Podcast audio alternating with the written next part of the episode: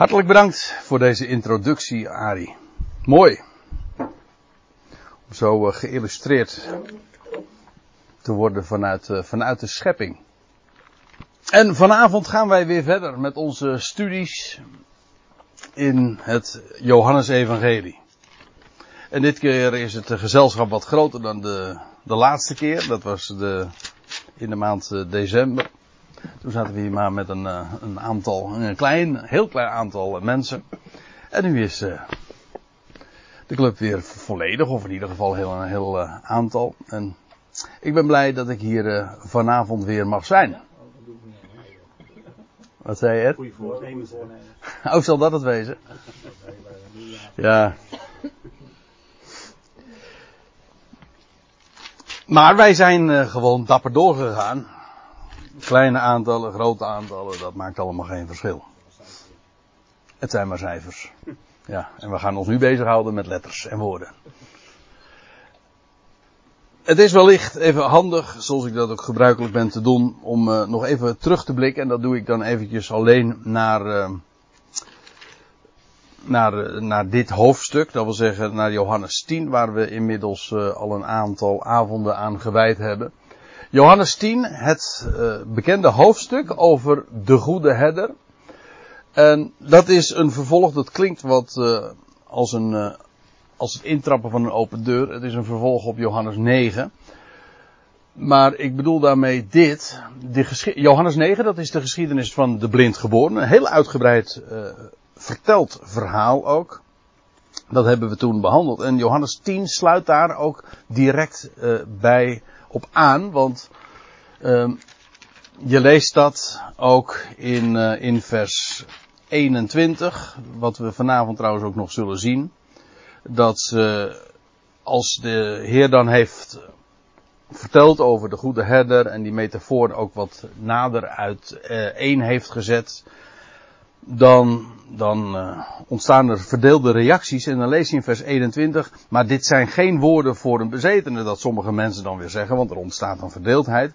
Een boze geest, een demon kan toch niet de ogen van blinden openen?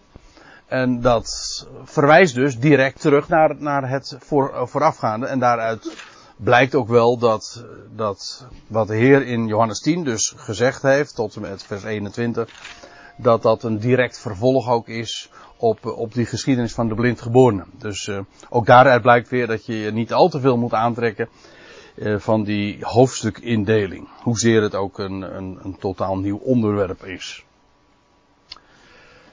die beeldspraak die de Heer bezigt en uiteenzet en ook uitwerkt over de goede herder, dat is uh, subtiele en ook verborgen kritiek. Het is zelfs zodanige kritiek dat het degene aan wie het feitelijk geadresseerd was het niet begrepen.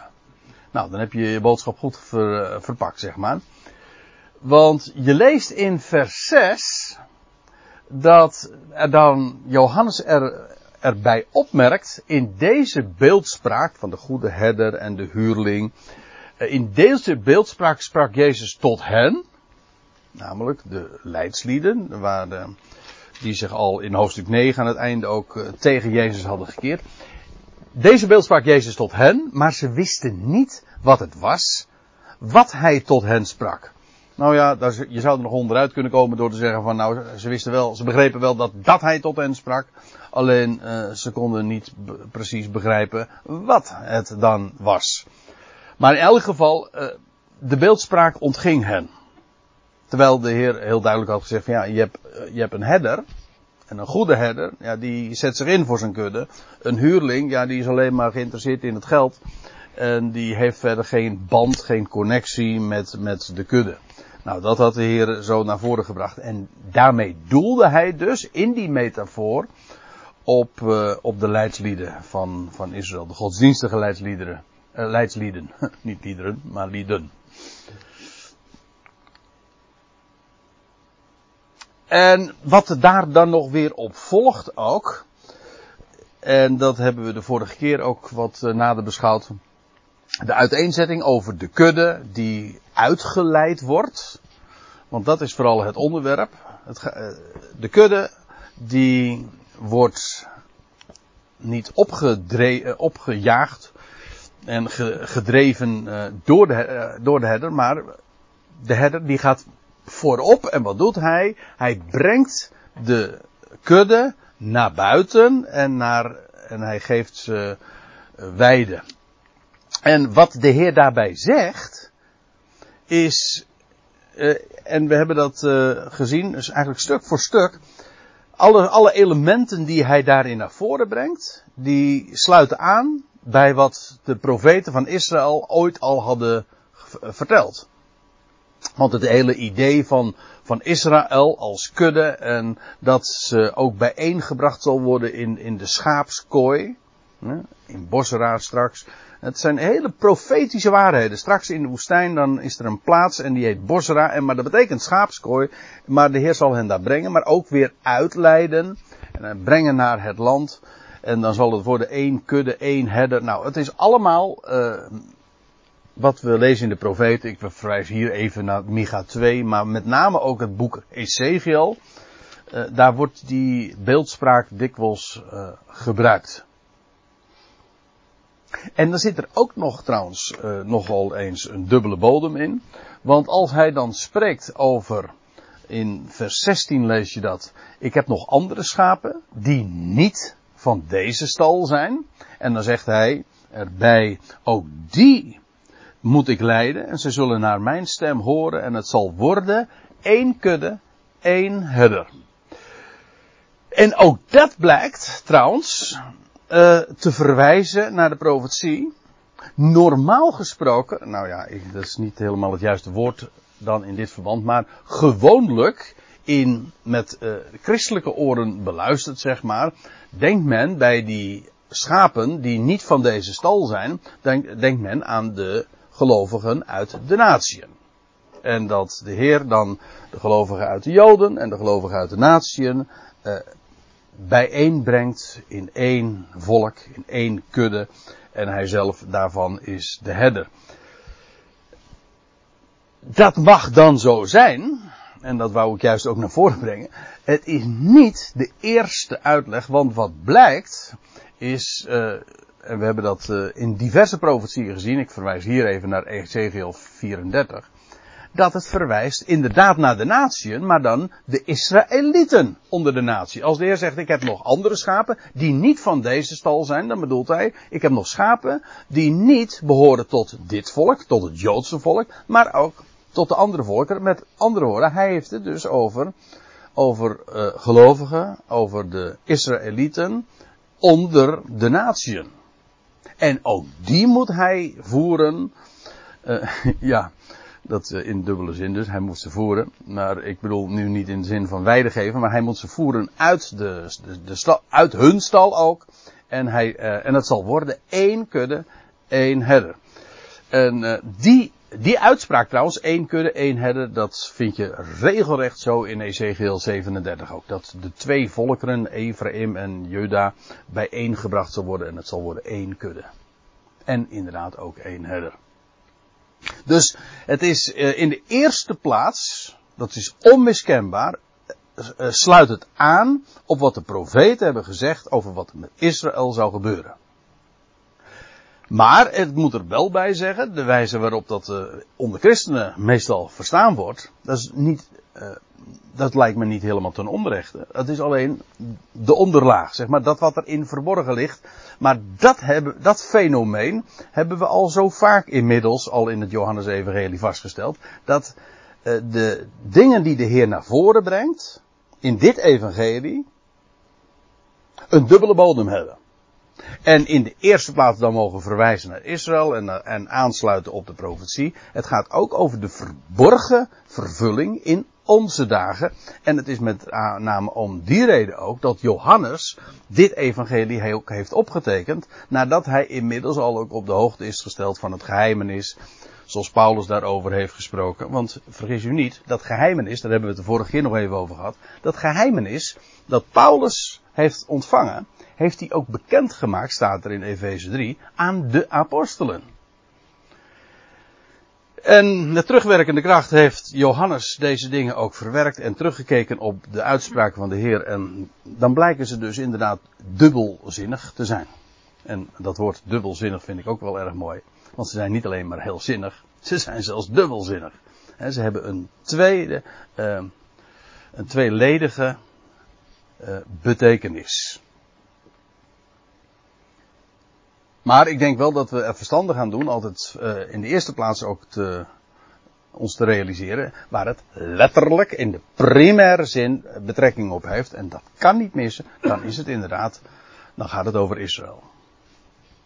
En dat betekent dus ook dat je de uitspraken van de Heer, die, uh, die hij per slotverrekening, hij was alleen gezonden tot de verloren schapen van het huis Israël, dan moet je die ook inderdaad met, met Joodse oren beluisteren. Ik bedoel in die zin, uh, zij hadden de schriften, zij hadden hun profeten en zij hadden de woorden van de profeten. Ja, en de Heer sluit daarop aan. Dat lijkt me een, uh, een hele logisch uitgangspunt ook. Nou, dat even terugblikkend op wat we de vorige keren over Johannes 10 naar voren hebben gebracht. En dan haak ik nu aan bij vers 17, hoewel ik daar al wat over gezegd heb, maar om, uh, om uh, anders wordt het een beetje lastig als ik in vers 19 begin. Daarom uh, vang ik nu bij vers 17 nog aan. Hierom, zegt de Heer Jezus, heeft de Vader mij lief. Het is een onvoorwaardelijke liefde, omdat ik mijn ziel stel. Dat, dat klinkt, als ik het zo formuleer, misschien wel tegenstrijdig. Hè? Van, is het zo dat de Heer, dat de Vader de Heer Jezus lief heeft met, met op voorwaarde dat hij zijn, zijn ziel zou stellen? Nee. Maar het is wel zo dat de Vader de Zoon lief heeft, ja, omdat hij die weet dat die Zoon, daar heeft hij hem ook uh, toegesteld uh, dat hij zijn ziel zou stellen. Dat wil zeggen dat hij zijn ziel zou afleggen. In de MBG-vertaling wordt hier ook uh, het woord afleggen gebruikt. Wat bij ons trouwens ook vooral ook betrekking heeft op, op de dood, nietwaar? Dat ik mijn ziel zou stellen, dat is, dat komt alleen maar ehm, ik, ik, of laat ik het anders zeggen, dat, eh, dat vertaal ik op deze wijze hier. Kan ook niet missen, want hier staat in het Grieks het woordje psyche. Ons woord psyche. En dat is onmiskenbaar ziel. Alleen in de, zowel in de MBG als in de Staatvertaling komt dat niet uit de verf, want dan staat er van omdat ik mijn leven afleg. Dat is jammer, maar eh, er is namelijk een verschil. De Heer stelde zijn ziel, hij legde zijn ziel af, namelijk in zijn sterven, eh, letterlijk zelfs doordat hij uh, doodbloedde. Er werd een, hij gaf zijn bloed en u weet, de ziel van al wat leeft, de ziel van alle vlees is in het bloed. Dus hij stelde zijn ziel, hij gaf zijn bloed. maar je leest dan hier, hij omdat ik mijn ziel stel, of afleg dus. Maar hij geeft leven, en dan wordt er in het Grieks een ander woord gebruikt, het woordje zoe. En alleen in de MBG-vertaling en de Statenvertaling wordt het beide weergegeven in vers 10 en in vers 17 met leven. En dan ontgaat je een, een belangrijk verschil. Kijk, de Heer in, in zijn sterven stelde hij zijn ziel, maar in zijn nu, als de opgestane, geeft hij leven en overvloed. Hè? Hier, hiertoe ben ik gekomen opdat, uh, om hen leven te geven en overvloed. We hebben daar ook over gehad. Overvloedig leven. En dan gaat het dus echt over opstandingsleven. Dat de dood heeft overwonnen. Dus hij, hij stelde zijn ziel, maar hij geeft leven. En het is jammer dat dat uh, dan uh, twee keer in de gangbare vertalingen met, met leven wordt weergegeven. Want dan ontgaat je dit, dit, dit punt. Dat, dat woord ziel wordt juist dus gebruikt in verband met het afleggen, met het stellen. Moet er wel bij zeggen, en daarmee nuanceer ik het enigszins, dat er dan wel, dat de Heer eraan toevoegt, omdat ik mijn ziel stel, maar opdat ik haar, maar dan niet meer als ziel, ook weer zou ontvangen. Namelijk, maar nu als leven. Hij stelt zijn ziel, maar als leven ontvangt hij het weer. En sterker nog, uh, hij ontving toen niet alleen leven, maar hij ontving zodanig leven, leven en overvloed, zodat hij het ook kan geven. En dat is eindeloos. Ik bedoel, het leven wat hij geeft, dat, ja, dat, dat hebben wij nu al. Maar uiteindelijk is dat voor heel de mensheid weggelegd. Dat, dat, uh, dat is de potentie van dat leven wat hij aan het licht bracht. En hij, hij let op trouwens ook hoe dat hier staat. Uh, ik stel mijn leven, waarom? Opdat ik haar weer zou ontvangen. En dat betekent dus, als, je, als, ik, het, als ik dit zo sec lees, dan, dan staat hier dat de Heer stierf, opdat hij zou opstaan. Ik zeg niet dat daarmee de betekenis uh, is uitgeput, maar de eerste, de, de meest, het meest primaire antwoord wat ik zou kunnen geven op de vraag waarom moest Jezus sterven, dan is dat om op te kunnen staan uit de doden en de dood zo te overwinnen. Zo logisch. En de Heer zegt het hier ook. Het is zelfs zo dat de liefde van de Vader juist daarin ook tot uitdrukking komt dat hij zijn, dat de Zoon zijn ziel stelde en dat hij haar als leven zou ontvangen. In de NBG-vertaling staat dan uh, opdat ik haar weer zou nemen. Uh, maar laat ik u dit zeggen, en daar hebben we het de vorige keer al even over gehad. Maar goed, toen waren we met een heel klein koppeltje, dus het is misschien toch goed om dat even nog, uh, nog een keer te zeggen. Dit, uh, deze weergave, ik, gaf net al even kritiek op het woordje, op het feit dat de MBG en de Statenvertaling hier leven vertaalt, dat is in vers 17, dat is niet correct. Maar het feit dat ze hier vertalen nemen, dat is zo mogelijk nog, er, nog erger, ja. Het is, het is geen eerlijke vertaling, het is theologie. Uh, opdat ik mij. Uh, het, ik, en wat, wat, bedoel ik ermee van dat het geen eerlijke vertaling is? Nou, dat wil ik straks uitleggen in vers 18, want dan zal ik het echt ook laten zien. Maar waarom men het zo heeft vertaald, niet met ontvangen, maar met nemen, uh, dat is omdat men gelooft dat Jezus God is en eigenlijk dus ook niet kon sterven. Ja. Ja, lichamelijk dan. Maar hij is niet echt gestorven, want ja, God kan niet sterven. En uh, het idee dan is, ja, hij stond op uit eigen kracht. En dat wordt dan ook in allerlei liederen zo gezongen. Dus de, de zoon heeft zelf uh, het leven genomen. Maar dat zegt hij niet. Er, er, wordt hier gesproken over ontvangen. En dat dat zo is, nou dat, kan, dat wil ik toch graag laten zien. Eerst nog even dit. In vers 18 staat dan, niemand neemt haar van mij af. Maar ik stel haar uit mijzelf. Dat is trouwens iets wat we al heel wat keren inmiddels in het Johannesevangelie hebben gezien. Dat uh, de Joden beramen dan ter plekke ter plekke een, een moord op hem. En dan staat er, en Jezus ontkwam aan hun handen. Of, uh, ja, we, ook in de andere evangelie hebben we daar trouwens verschillende voorbeelden van. Dat hij in Nazareth is. En dan willen ze hem van de stijl werpen. En dan lees je dat de Heer, uh, die ging, dan staat er heel erg vreemd. Uh, maar de Heer ging zo tussen hen door en, en liep weg. Wat is hier in de hand zeg? Maar ook in het Johannes-evangelie, dan uh, in hoofdstuk 8, vers 20 hebben we al gelezen. Niemand greep hem.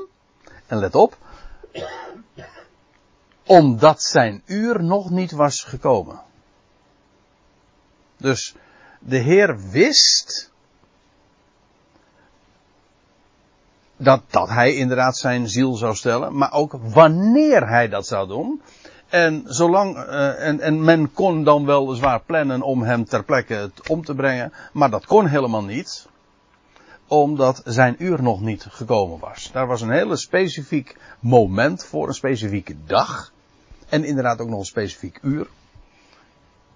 Het uur dat de Heer Jezus stierf, daar zullen we het uh, bij een veel later tijdstip nog eens over hebben. Maar dat was op de dag van Paaschaap, de 14e, en dat was tussen twee avonden. Dat was in de, de tijd van het avondoffer. Dat wil zeggen op het negende uur van de dag, oftewel drie uur middags. Toen stierf hij. Dat moest uitgerekend op dat moment, met recht ook dat uur zijn dat hij zou sterven. En elke poging om dat eerder te laten plaatsvinden moest per definitie dus mislukken. Want men kon dat helemaal niet. Men kon eh, niet de hand op hem leggen of de hand uh, hoe zeg, hè? aan hem slaan. Ja, zo, dat woord zocht ik, ja. En uh, we hebben dat uh, op al, allerlei plaatsen. Ik heb hier in hoofdstuk 7, vers 6, vers 8 ook, in vers 44 wordt dezelfde waarheid naar voren gebracht.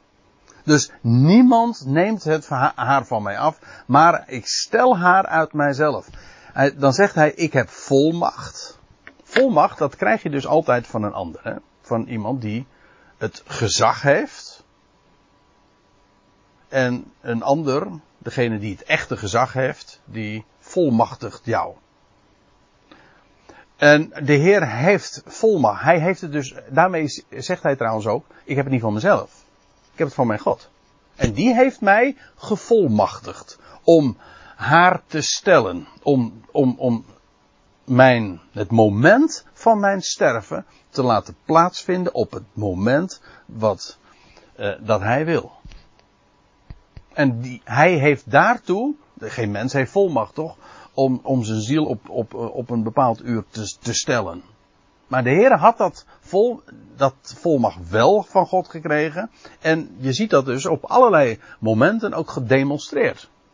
Dat terwijl men, menselijkerwijs gesproken, uh, dat het einde van zijn leven was uh, beklonken, dat het helemaal niet kon, en de Heer ontkwam. Maar de Heer had volmacht haar te stellen. Dat wil zeggen, uh, ja, in de MBG-vertaling staat dan ook af te leggen. En inderdaad, die betekenis heeft het. Ik heb volmacht haar te, te plaatsen, te stellen, uh, beschikbaar te stellen. En de Heer heeft dus die volmacht uh, gekregen. En, en nou komt het.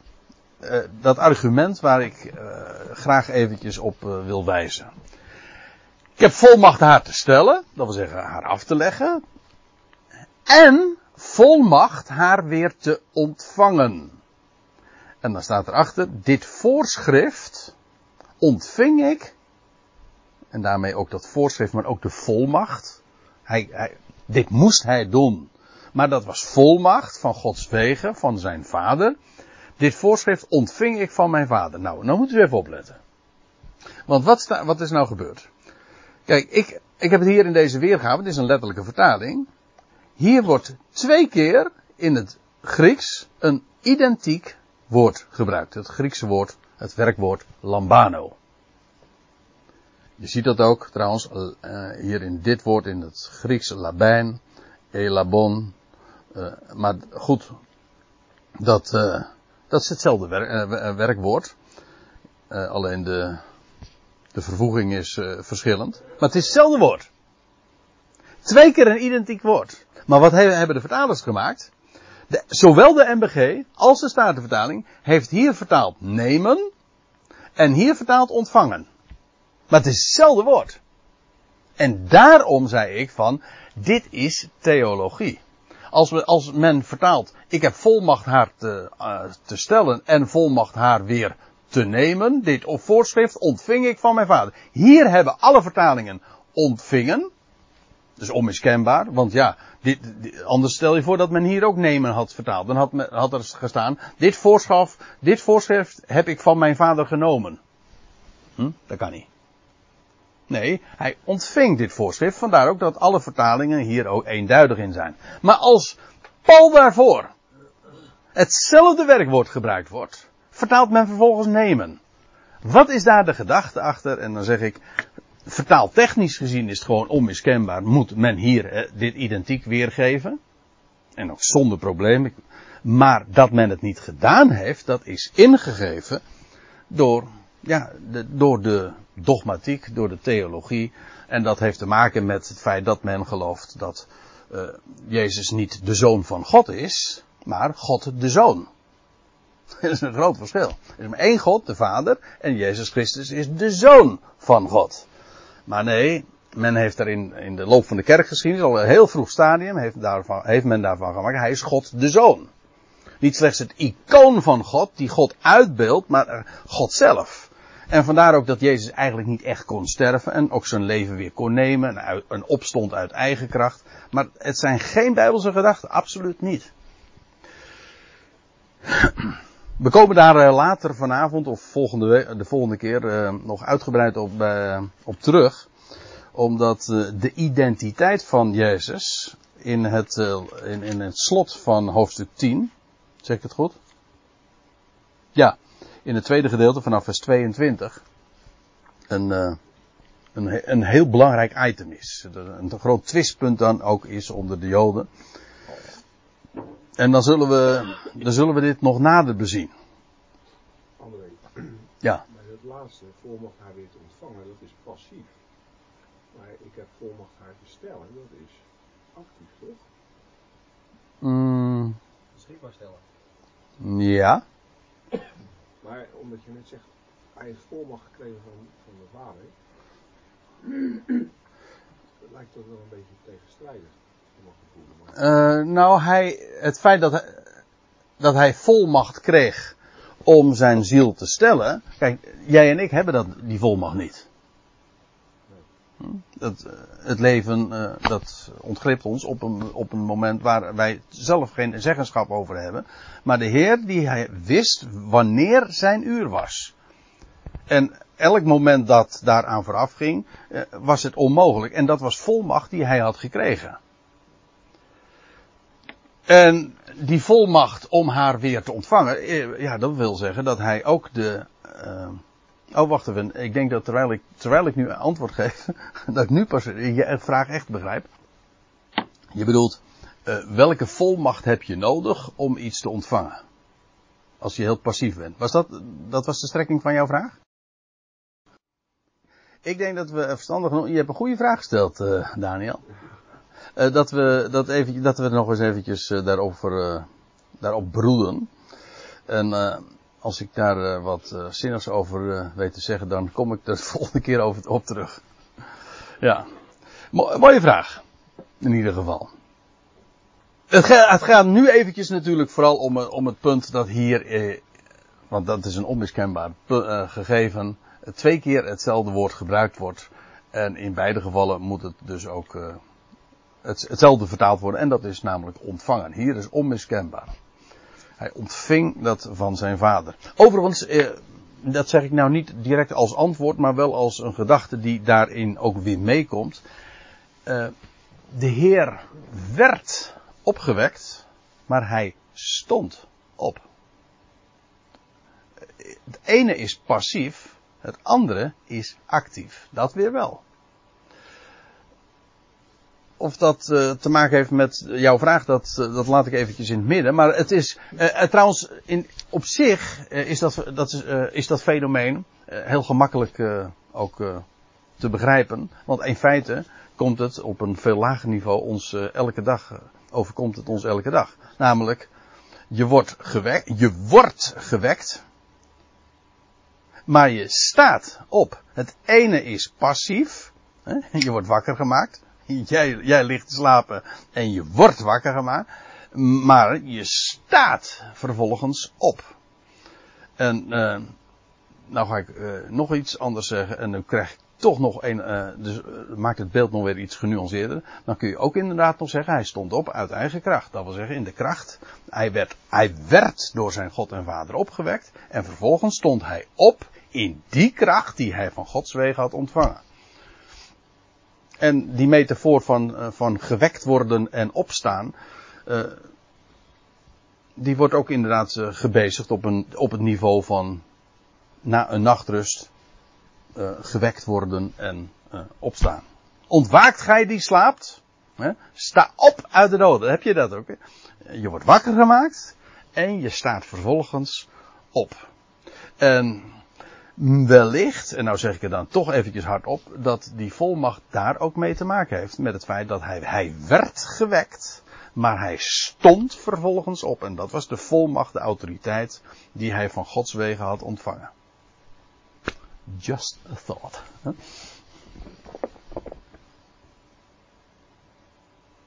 Goed. We gaan even verder. Er ont, op, en opnieuw ontstond er scheuring onder de Joden. Vanwege deze woorden. Dat woord scheuring, dat, in het Grieks is dat schisma. Wij kennen dat trouwens ook nog. Het, wordt, het is een beetje een, eh, een chic woord. Hè? Een schisma. Ken jij het ook? Ja, inderdaad. Oh, het is ook een medische term. Zit ik een, eh, een, een, eh, een, een. Is dat, hè? Hoe heet dat? Oké. Uh, maar dat is inderdaad een scheuring. Maar het wordt ook uh, gebruikt in de, in de kerkelijke terminologie van een, een scheuring. Hè? Een kerkscheuring, dat is ook een schisma. Schismatisch, als bijvoeglijk naamwoord dan. Maar dat woord schisma komt drie keer voor in het Johannes-evangelie. Het is boeiend om te zien dat, uh, hoe dat dan gebezigd wordt. Want er staat hier, en opnieuw ontstond er scheuring onder de Joden. Dat betekent dus dat er al een keertje eerder het geval was. En inderdaad, we lezen in hoofdstuk 7, vers 3, 43. En uh, er ontstond dan scheuring, schisma, in de schade vanwege hem. In 9 vers 16, dus in die geschiedenis van de blindgeborene die genezen wordt. Dan staat er, sommigen dan vanuit de fariseeën zeiden, deze mens is niet van God, want hij bewaart de Sabbat niet. Maar anderen zeiden, hoe kan een mens, een zondaar, zulke tekenen doen? En er was scheuring onder hen. Weer, dat woordje schisma. En dan hier, in hoofdstuk 10 vers 19, maar dat is het vers waar we het nu dus over hebben. En opnieuw ontstond er scheuring onder de Joden vanwege deze woorden, voor de derde keer. En er is trouwens ook nog een opmerkelijk verschil. Iedere keer is de Heer daarbij de reden, de oorzong, oorzaak van de scheuring onder de Joden. Waardoor er uh, in de, in de MBG-vertaling wordt het meestal weergegeven met verdeeldheid. Maar scheuring gaat nog eigenlijk wat, wat verder. Uh, maar iedere keer is hij daarbij het onderwerp. Maar in hoofdstuk 7, vers 23 gaat het eigenlijk over zijn persoon. Het is hij zelf, want dan, eh, als je dat trouwens eventjes zou nalezen. We hebben het ooit eh, natuurlijk daarover eh, over gehad. Eh, dan gaat het over, eh, eh, dan ontstaat er discussie van, ja hoe kan dat nou? Hij, hij is Jezus van Nazareth, maar zou de Messias, de Christus, zou hij niet uit Bethlehem komen, zoals onze vader David? En dan staat er, en ontstond scheuring in de schade vanwege hem. Dus dan gaat het echt, die, die verdeeldheid, die scheuring onder de schade, is gelegen in zijn identiteit. Van wie hij is. In hoofdstuk 9, vers 16, daar gaat het over, er ontstaat die scheuring om wat hij doet. En wanneer hij het doet. Hè, dat hij het op de Sabbat deed en dat uh, vanwege de tekenen en de, de timing. En hier in hoofdstuk 10 vers 19 ontstaat er scheuring vanwege zijn woorden. Dus eerst zijn, zijn hemzelf, ontscheuring, ontstond scheuring vanwege hem, hemzelf, zijn identiteit, zijn persoon. Dan om wat hij doet en vervolgens vanwege zijn woorden. Dus dat wat hij heeft gesproken. En in alle opzichten dus en hijzelf zijn persoon, zijn, zijn, zijn daden en zijn woorden, alles bleek een, eh, een reden te zijn van, van scheuring. Onder degene die hen niet wilden dus. Want daar gaat het eigenlijk over. Als je, dan niet, als je niet aan de, eh, aan de waarheid wil, dan, uh, ja, dan, dan is dit dus uh, het effect. Hè? Dan krijg je dat, dat soort partijschappen. Sectevorming. Terwijl als je dat juist wel, en dat is wat de Heer dan ook zegt, uh, hij had juist gesproken over uh, mijn schapen, die kennen mijn stem. En die herkennen wat ik doe, niet wie ik ben. Ze luisteren naar mijn woorden, ze herkennen ook dat wat ik doe, dat het van Gods wegen is. Ja, als je eenmaal op dat spoor bent en gewoon open-minded bent om dat te ontvangen, ja, dan ontstaat er, dan ontstaat er eenheid. Hè? En de Heer zegt dan ook van, het zal worden, één kudde, één herder. Daar waar geloof is, gewoon vertrouwen en open-minded uh, instelling om hem te ontvangen, ja, dan ontstaat eenheid. Maar daar waar je er niet aan wil, ontstaat juist uh, verdeeldheid om, om, om elke reden. Om, om de persoonlijkheid, om, om de, de dingen die hij doet vanwege de woorden, alles. En velen nu vanuit hen zeiden, hij heeft een demon. Dat is trouwens de tweede keer dat we dat al tegenkomen. In hoofdstuk 8 hebben we dat ook al gezien. Dat gaat heel ver hoor. Dus om dat, om dat te zeggen. Hij heeft een demon. Hij is gek. Hier wordt in het Grieks het woordje uh, mainomai gebruikt. En daar komt ons woordje maniak, maniac, hm, vandaan. Een gek dus, een, een, waanzinnige. Van Paulus lees je het ook dat uh, koning uh, of stadhouder Festus dat dan tegen hem zegt. Hou je mond, Paulus. Uw vele woorden. hoe staat het dan? kennis heeft u razend. Ja, ja, precies, ja. Uw vele kennis heeft u, uh, drijft u tot waanzin. Ja, of ma je ma maak je gek, een maniak. En ja, dat is dan wat ze zeggen. Veel, velen dus, de, dat wordt gesuggereerd zelfs de meerderheid, die daar dus helemaal niks mee kunnen en dan die enorme beschuldiging uh, hem uh, in de schoenen schuiven en zeggen hij is gek. En dan vervolgens, ja, uh, waarom, waarom luisteren jullie nou? Waarom blijven jullie naar hem luisteren? Dat staat in de tegenwoordige tijd. Dus waarom blijven jullie luisteren? Naar hem. Maar anderen, kennelijk een minderheid, zeiden, deze uitspraken zijn niet van een gedemoniseerde. Zijn van, van een, uh, een bezetene dus.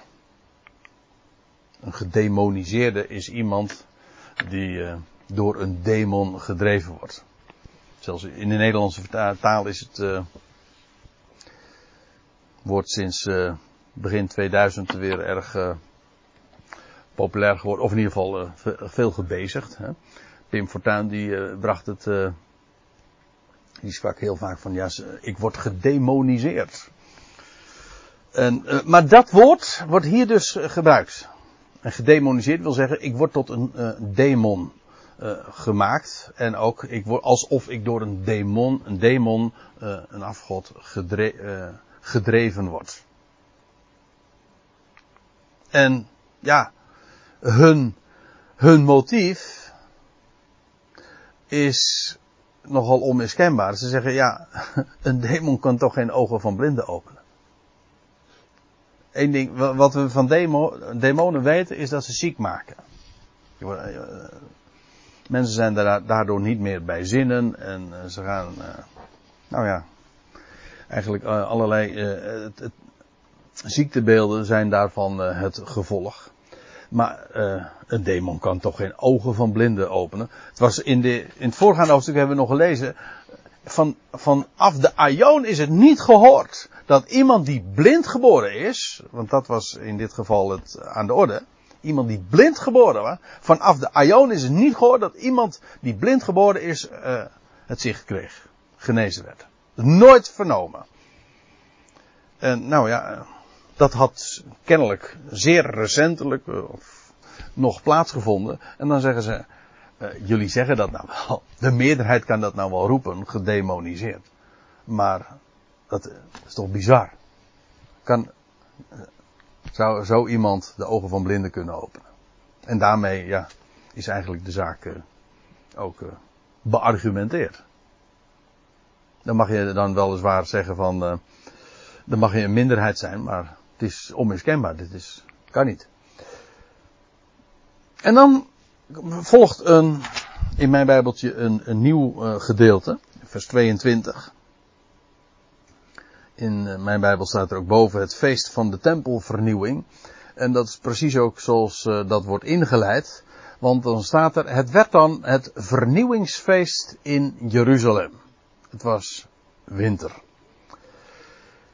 Dat vernieuwingsfeest, dat uh, is het feest ter herinnering van, uh, van het, ter herinnering aan het herstel van de tempeldienst door Judas Maccabeus.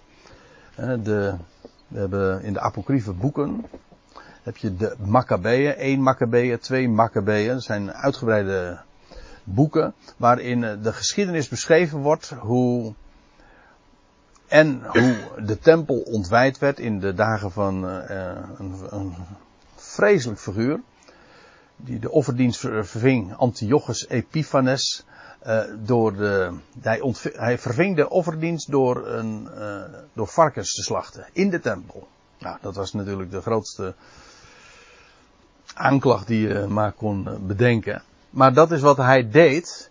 Eh, maar na verloop van drie jaar, markant getal trouwens, eh, wordt die, eh, de, de tempeldienst weer hersteld vanwege een opstand aangevoerd door Judas Maccabeus. En dat was anderhalve eeuw, dus, nou wat zeg ik, eh, als we ervan uitgaan dat dit in het jaar 30 was voor onze jaartelling, en dan was dit een kleine twee eeuwen daarvoor dus gebeurd, in 164 voor Christus. En dit vernieuwingsfeest eh, is eigenlijk beter bekend als het lichtfeest, of nog beter als Chanukah. En dat eh, is een feest. Dat is een feest dus dat van later datum is. Het hoort niet bij de hoogtijden van Yahweh, die God van, eh, aan zijn volk heeft gegeven. Het is van een veel later datum, eigenlijk nadat de, de Hebreeuwse Bijbel al was voltooid. En het was met recht een, een lichtfeest. U kent het wel, de, de de kandelaar, de, de acht lichten. Want het feest duurde namelijk ook acht dagen. Dat is trouwens interessant, want het eh, werd gevierd eh, gedurende acht dagen. Vanaf de 25ste Kislev. Kislev is dan de negende maand van het jaar. En dat komt overeen met december. En feitelijk zou je dus kunnen zeggen, het komt ongeveer overeen met onze 25ste december. En dat is wel eigenaardige overeenkomst. Het is, hè? Ja, ik moet er wel bij zeggen, Kislev en december lopen natuurlijk niet volmaakt synchroon, omdat het ene, ja, het zijn verschillende jaarrekeningen, maandrekeningen ook. Maar eh, Kislev valt altijd in de maand december, dat wel.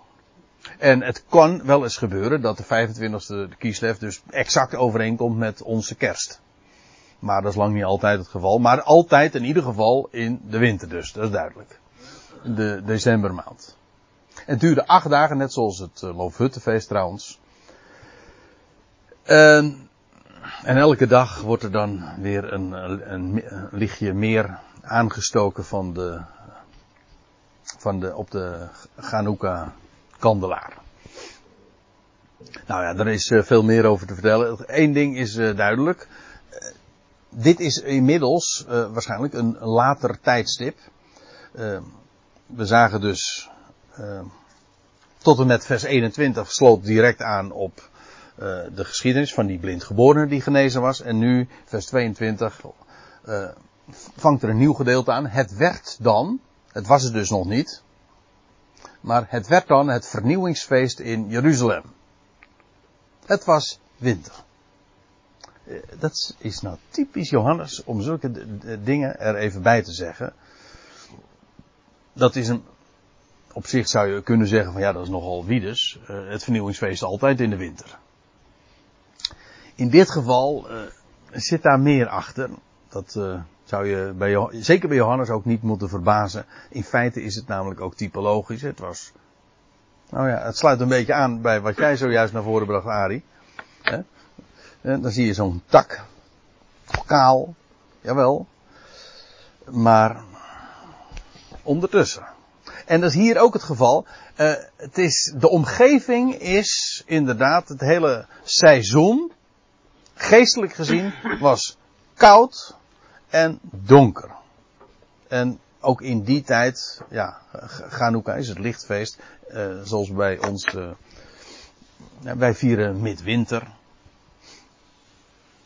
Ja, of u zegt kerst. Maar goed, uh, van origine is dat eigenlijk ook de gedachte van in het donker, als, de, als het uh, buiten koud is en alles doods, ook dat was nog de associatie, alles doods en duisternis, juist dan vieren we de wende, de zonnewende, dat het licht weer gaat doorbreken. Nou, hier is de omgeving inderdaad koud en donker. De Heer is er, jawel, maar hij bevindt zich in een vijandige omgeving. Het is koud, het is donker in hun harten, het licht hebben ze niet in de ogen. Nou ja, één man wel, hm? die had het licht weer in de ogen gekregen, die was genezen namelijk. Maar dat, is, uh, dat typeert het. Je, een soortgelijk voorbeeld hiervan vind je een paar hoofdstukken later, in hoofdstuk 13, vers 30. Dan lees je dat op het moment dat Judas de opperzaal verlaat, als de Heer tegen hem zegt, ga doen, ga doen wat je wil doen. En dan lees je, en Judas verliet de zaal, de opperzaal, en dan staat erachter, en het was nacht.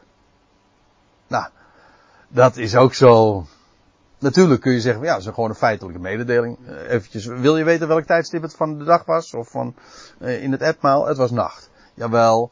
Maar je voelt natuurlijk op je klomp aan als je dit met, uh, wat, met, met geestelijke oren zeg maar beluistert.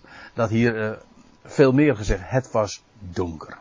Ja, in het hart van Judas, de voornemens die hij had, het was duisternis. Het was nacht. Nou, hier ook. Het was winter. Waarvan akte? Dus. Nou, uh, ik stel voor dat we eerst maar eventjes gaan pauzeren en dan pakken we straks de draad op in, in vers 23.